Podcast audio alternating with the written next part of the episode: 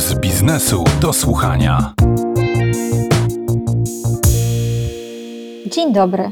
Ja nazywam się Karolina Wysota, a to jest Puls biznesu do słuchania.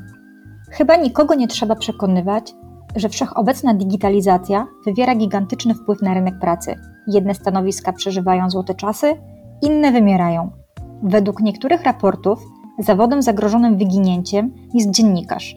Marna perspektywa dla osoby takiej jak ja. Nie ma się co załamywać, bo nic nie zostało przesądzone. Pocieszają eksperci. Radzą, nie tylko mi, ale również Państwu, nastawić się na częstą zmianę zarówno pracodawcy, jak i obowiązków zawodowych. Aby później poszło nam jak spłatka, najlepiej bez zbędnej zwłoki już teraz zacząć podnosić kwalifikacje cyfrowe, bo pod tym względem jako społeczeństwo jesteśmy w ogonie Europy.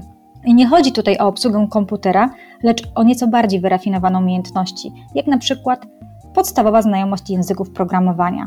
Brzmi strasznie?